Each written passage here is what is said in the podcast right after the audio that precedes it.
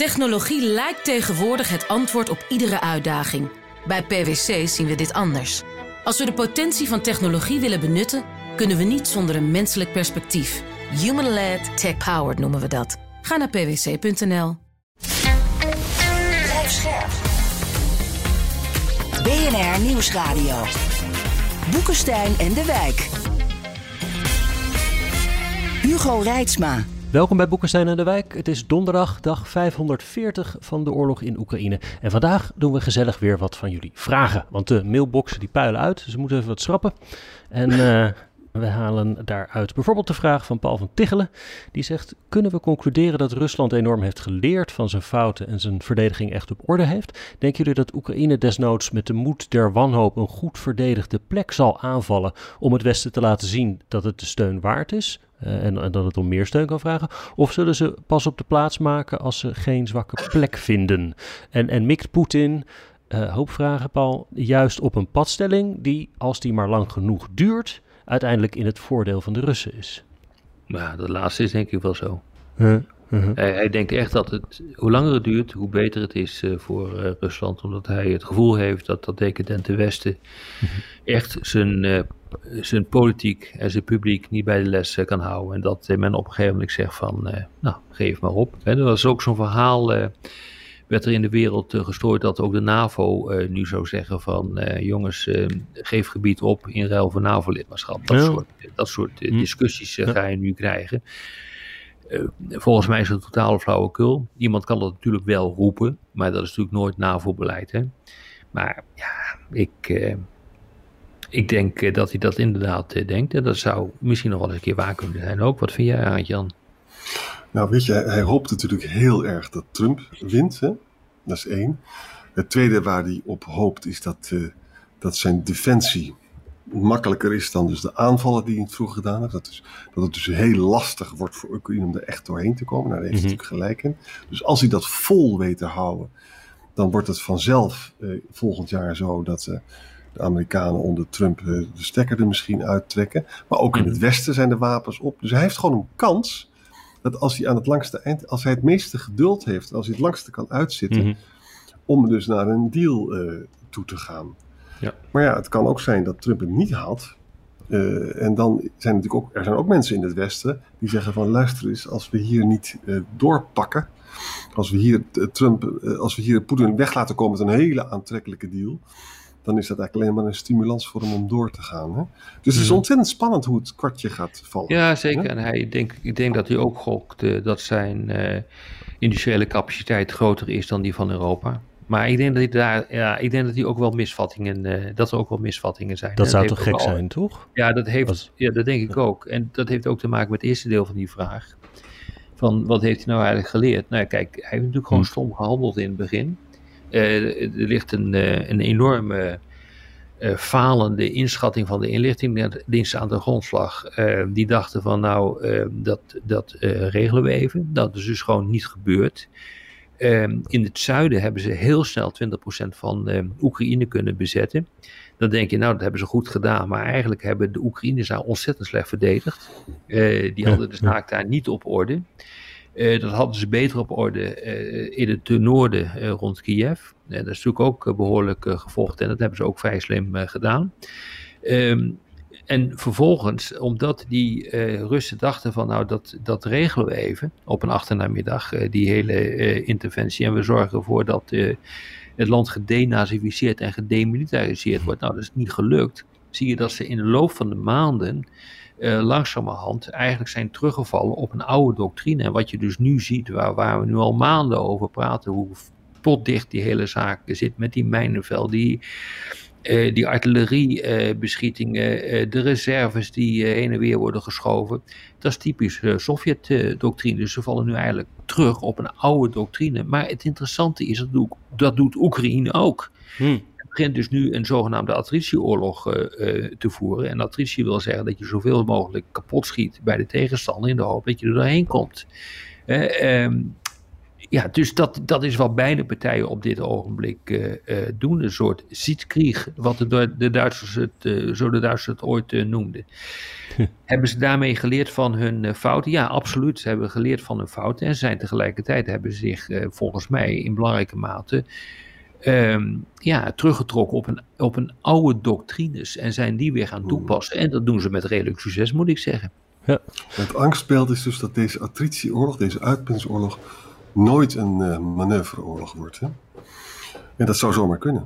Dat, gewoon, gewoon, dat, dat ze niet doorheen komen. Nou ja, ik, ik zie niet goed in op korte termijn hoe ze er doorheen uh, moeten komen.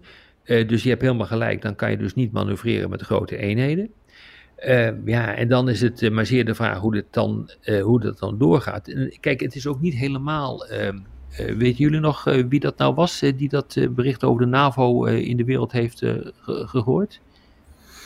je bedoelt die, die kabinetschef van Stoltenberg? Ja, dat was het kabinetschef van Stoltenberg. Hmm. Stoltenberg. Oké, okay, dus ook niet de eerste de beste. Ja, Stianne Jensen, ja. ja. Ja, goed, weet je, het, is, het is ook wel logisch dat dit soort gedachten nu geventileerd worden, want iedereen die zoekt nu, nu toch naar een uit, uitweg. En, en dat mhm. is wat Poetin ook weet. Dus die zal dit met groot gejuich ontvangen. Maar nogmaals, uh, de NAVO gaat er niet over. En zo'n kabinetchef uh, is wel belangrijk, maar weer niet zo belangrijk. Op het moment dat je dit uit uh, de mond hoort van Jens Stoltenberg, dan is het echt wat. Mm Want dat betekent ook dat het de steun kan hebben van een aantal belangrijke landen. Hè, maar de, de, hier is bepalend niet wat de NAVO zegt, maar wat de Amerikaanse president zegt. Nee. En die gaat overigens wel de richting uit van, en dat doet hij eigenlijk al vanaf mei vorig jaar, naar een oplossing eh, aan de onderhandelingstafel. Ja. ja. Ja, want NAVO is dus eigenlijk geen partij. Het gaat om NAVO-lidstaten. Hè? En, uh, en Biden, ja, die hoopt, die denkt dus. Zijn, zijn generaals vertellen van jongens, het is een attritieoorlog. En het is de vraag of ze er doorheen komen. En dan is dan in de, in de second best optie is dan van nou, geef ze zoveel mogelijk wapens. En laat ze vanuit de positie van kracht dan uh, onderhandelen. En uh, het lijkt er nog steeds op dat het uiteindelijk dat gaat worden, hoe pijnlijk dat ook allemaal is voor Oekraïne. En daar ben je dus, afgezien van, uh, om het maar even heel cynisch te zeggen, een paar honderdduizend doden, ben je geen meter opgeschoten ten opzichte van april vorig jaar toen er ook onderhandeld werd. Net als de Eerste Wereldoorlog. Ja. Ja, dat is dus heel, eh, dat is heel navrant om dat eh, te moeten constateren en te moeten zeggen. Ja, nou, ze hebben het najaar natuurlijk wel Kharkiv en Gerson een flink stuk teruggepakt, toch? Zeker, maar dat, had ook, dat was ook attritie. Hè? Dus wat ze daar hebben gedaan, met name in het zuiden, daar in Gerson, daar hebben ze eerst een boel plat gebombardeerd echt zoveel mogelijk. Dat is eigenlijk redelijk aan ons uh, beeld uh, voorbij gegaan hoor. Dat hebben we niet goed doorgehad wat daar gebeurde. Hmm. pas later is dat, is dat duidelijk geworden wat daar gebeurt. Want ik dacht nog, dat wordt een enorme slagpartij in die stad. Dat is niet gebeurd. Maar het ja, bleek dus dat ineens die, weg. Ja. ja. ze waren, die Russen waren ineens weg. En dat heeft te maken met het feit dat die onophoudelijke beschietingen van de Oekraïne eigenlijk gewoon de boel daar lam hebben gelegd en onder uh, en dat, dat heeft ervoor gezorgd dat die Russen zich eigenlijk relatief uh, uh, ongeschonden konden gaan terugtrekken. Die hebben gewoon de knopen geteld en zeggen van nou oké, okay, dit heeft geen zin. Dit gaat alleen maar heel veel slachtoffers opleveren. Onze betere troepen zitten hier, dus wegwijzen. Nou, dat ja. hebben ze ook gedaan. Ja. Ja. Ik wil even door naar een vraag van Roel Kersenmakers. Die, uh, dat was in verband met die bijeenkomst van de BRICS van eerder deze maand. Hè, dat uh, Brazilië, Rusland, India, China, Zuid-Afrika. Ja. Uh, en hun kritiek uh, vraagt Ron naar op de Wereldbank en het IMF. Zegt, snijdt dat hout? En hoe zit de relatie met wat wel wordt genoemd de Global South? Dus de landen in het mondiale zuiden die ja, ook een, een, beetje tussenpositie, niet echt met, met het Westen mee willen gaan in het veroordelen van Rusland. Snijdt dat hout en zouden die BRICS-landen enigszins tegemoet kunnen worden gekomen? Nou, dit is een hele politieke vraag. Hè? En je moet goed bedenken dat dit een lange geschiedenis. En de Wereldbank en de IMF waren vroeger heel doctrinair, heel rigide. Hun idee was, je moet niet te veel geld uitgeven. En, je, en je moet je markten opengooien. En toen zeiden de BRICS, de opkomende landen, zeiden van ja, luister eens, eh, als wij onze markten helemaal opengooien, dan gaan hele sterke landen, die pakken dan alles. Wij moeten ook een beetje bescherming kunnen geven aan onze eigen industrie. Nou, de nieuwe doctrine van de Wereldbank en IMF houdt veel meer rekening met dat dat soms ook nodig is. Dat je een milde vorm van protectionisme moet doen. Ehm, eerlijk gezegd moet ik zeggen dat die nieuwe aanpak van de Wereldbank, die, die is gewoon, het kan niet anders. Het is gewoon, zijn gewoon verstandige mensen die dat doen. Maar wat je moet beseffen hier is dat bijvoorbeeld in Zuid-Amerika is er ontzettend veel uh, vrevel uh, over de leningen die ze hebben gekregen van de Wereldbank en de IMF. Hmm. Uh, en dat vind ik niet altijd terecht, want ze hebben er vaak zelf ook een enorm potje van gemaakt in die landen. Hè? De ontstellende corruptie en allemaal dat, dat soort dingen. Um, maar het is natuurlijk nu, ook als je die term Global South neemt, dan is, het natuurlijk, de, is de IMF en de Wereldbank is een heel makkelijk doelwit. Hè? Dan zeg je dat het allemaal heel erg slecht is.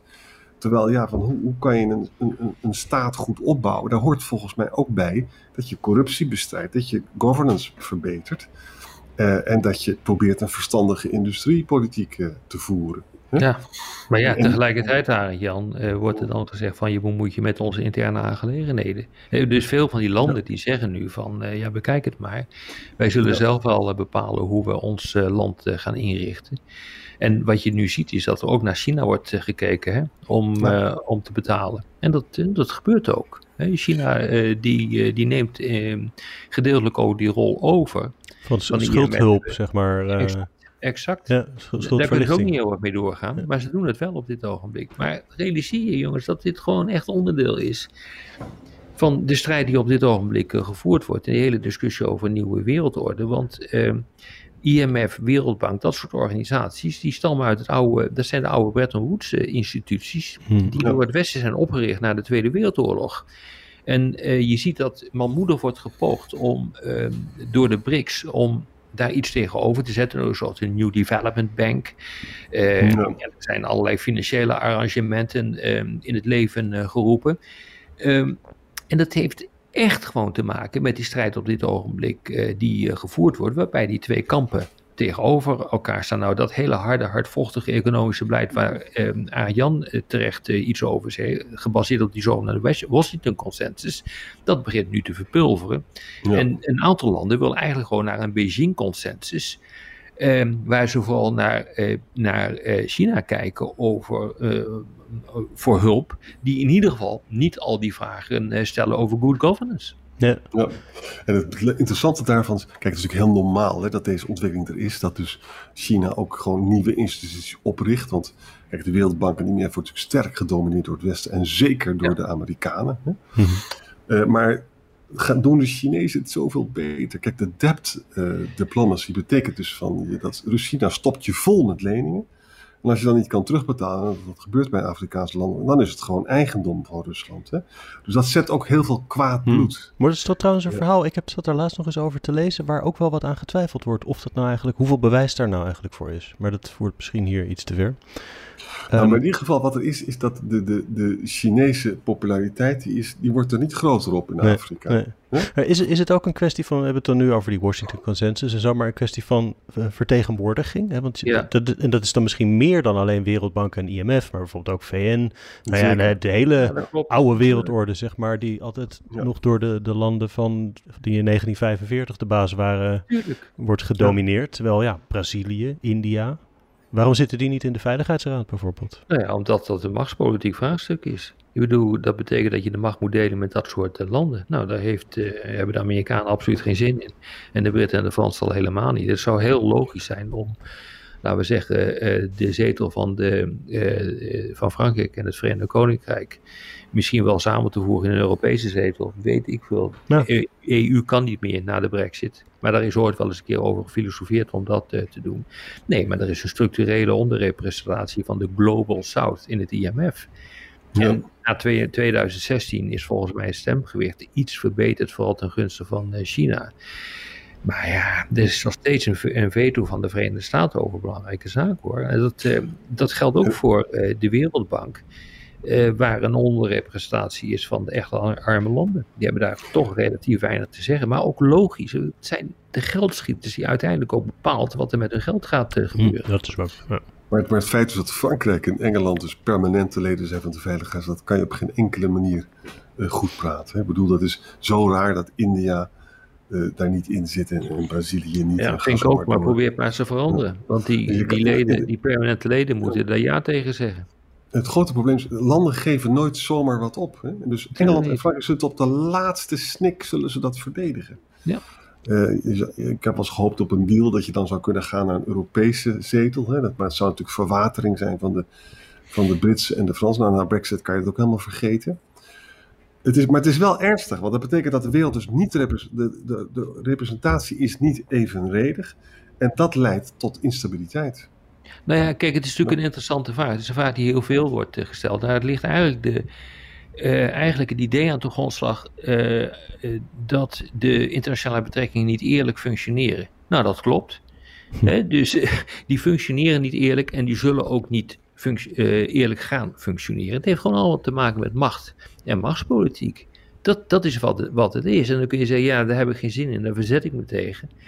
Ja, dan kun je als, um, als land dat niet zoveel in de melterbokken uh, heeft, kun je, daar, kun je daar heel weinig tegen doen. Dat is uh, ja, welkom in de wereld van de machtspolitiek en van de grootmachtspolitiek. Maar het interessante bij deze casus is dat, kijk, de, de Engelse uh, economische macht en de Franse economische macht is natuurlijk tanende in relatieve zin. Hè? En die van India en China komt heel sterk op. En we gaan gewoon naar een wereld toe waarbij uh, China is natuurlijk al veel groter dan Frankrijk en Engeland. Maar India komt daarbij. En dan is het zo dat de feitelijke machtsverhoudingen stroken niet meer met de institutionele hmm. machtsverhoudingen. Dat is natuurlijk een recept voor, voor revolutie. Ja? Voor instabiliteit. Ja, dat is ook zo. Ja, dus, eh, maar goed, als dat gebeurt, dan zie je dus een definitieve verschuiving van de macht, ook in de Veiligheidsraad, naar andere landen, naar niet-westerse landen.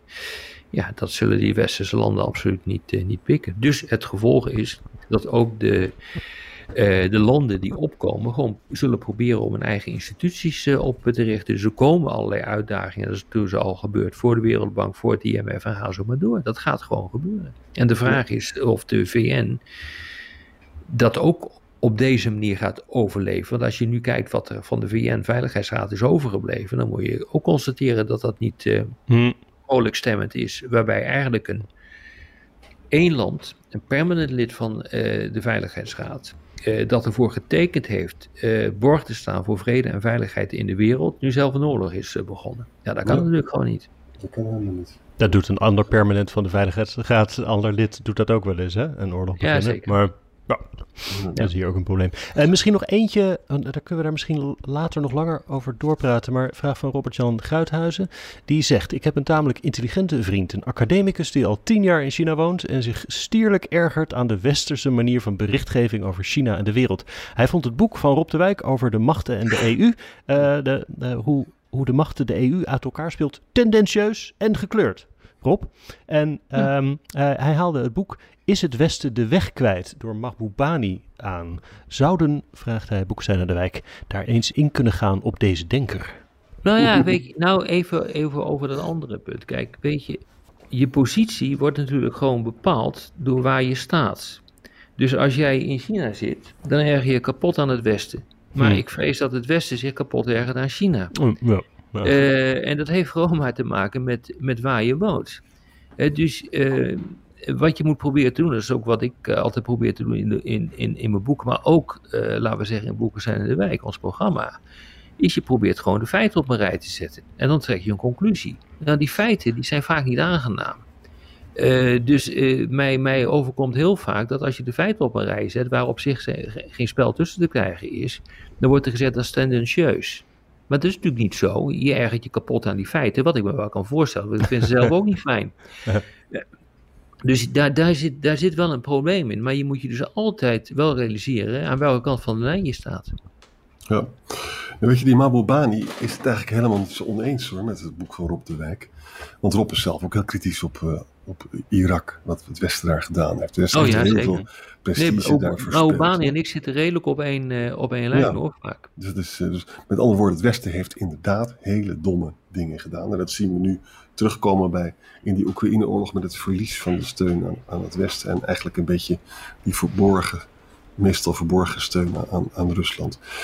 Wat bij Mahmoubani, ik heb dat boek met de studenten gedaan. Hè, en wat ik dan wel vind, hij is, het is een hele succesvolle man. Hij was dus ja. lid van de uh, Permanente Veiligheidsraad voor uh, Singapore. Hij, hij, trekt de hele wereld door, verdient miljoenen met lezingen. Komt ook heel veel in China.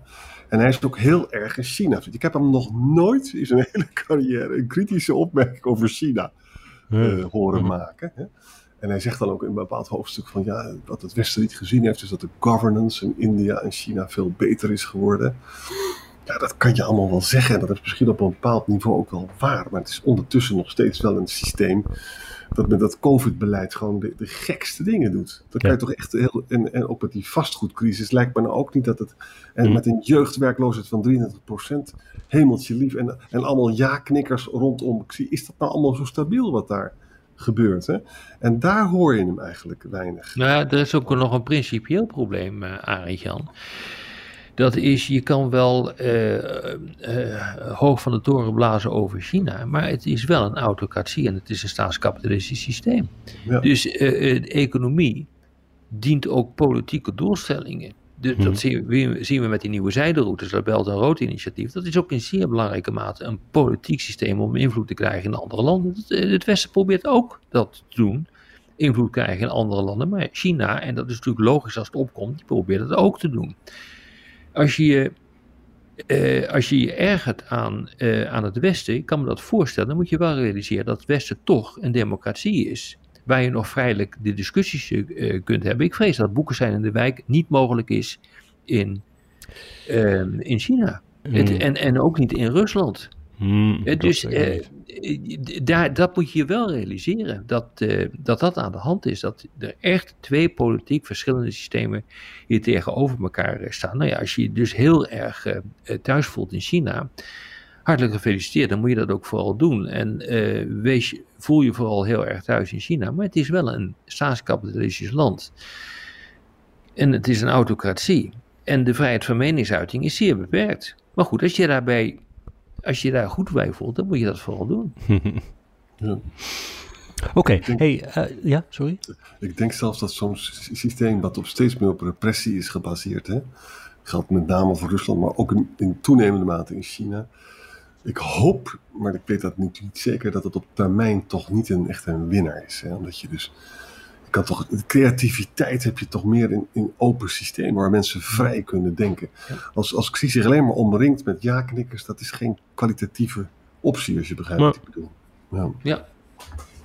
Ik ben dat wel met je eens, maar tot nu toe werkt het goed. Ja, ja.